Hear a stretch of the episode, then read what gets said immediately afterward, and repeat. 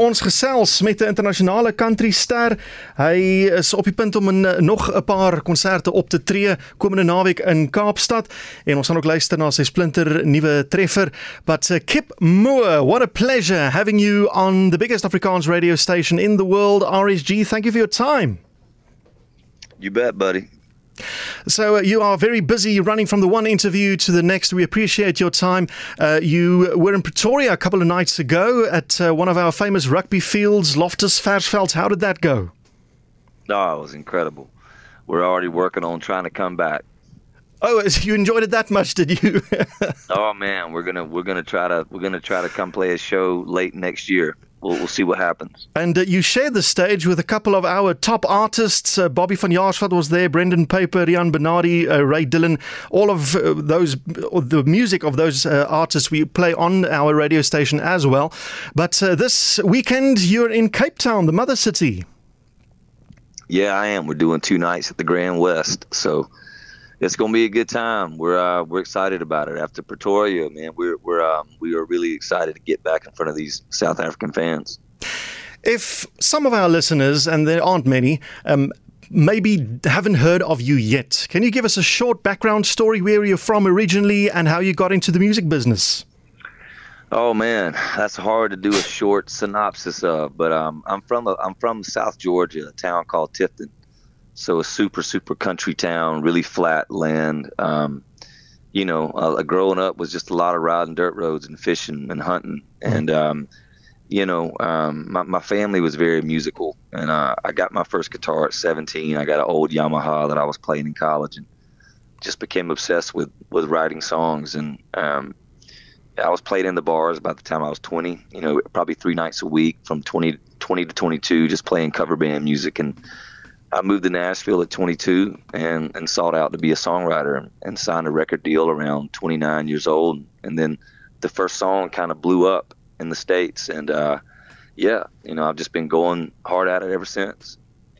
So, 29 when you made your first breakthrough, which is, um, well, in today's standards, uh, a pretty uh, high age. Did you say that worked to your advantage in some ways? Um, I would say that it, it personally worked to mine because I was ready at that time. Um, you know, it was all the all the years of, of, of honing my craft mm. to where I felt like that was the time that I was really ready. When the when the lights cut on, I was ready to seize my opportunity. Are you here in your capacity as a solo artist, or is your band the Slow Hearts here as well? We're all here together. Oh, I wonderful. mean, yeah. I mean, we we we uh, we we we were in, we played Pretoria together. Yeah. And uh, we are about to listen to your uh, new single called Damn Love. Can you tell us more or less what it's about and where did inspira- inspiration come from?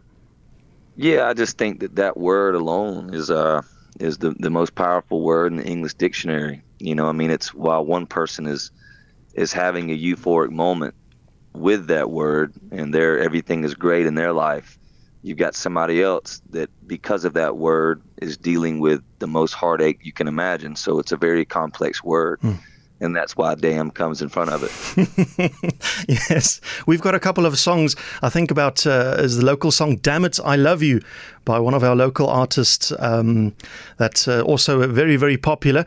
Uh, but um, so you're in cape town this weekend both nights saturday and sunday night at the grand west arena. Do you know if it's sold out? Or any tickets still available um, you know, the first night is sold out, and I believe the second is too. But from what I hear, they're going to open up a hundred more. Oh, so the people need to jump on that one. Yeah.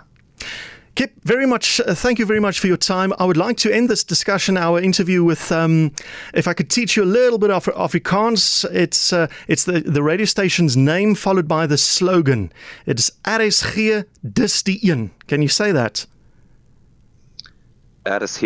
RSG Distian. You oh that's perfect. That's beautiful. hey, what's happening, guys? It's Kip Moore, and you're listening to Addis here, Distian. Oh, fantastic. Have a great one, Kip. Cheers. Later.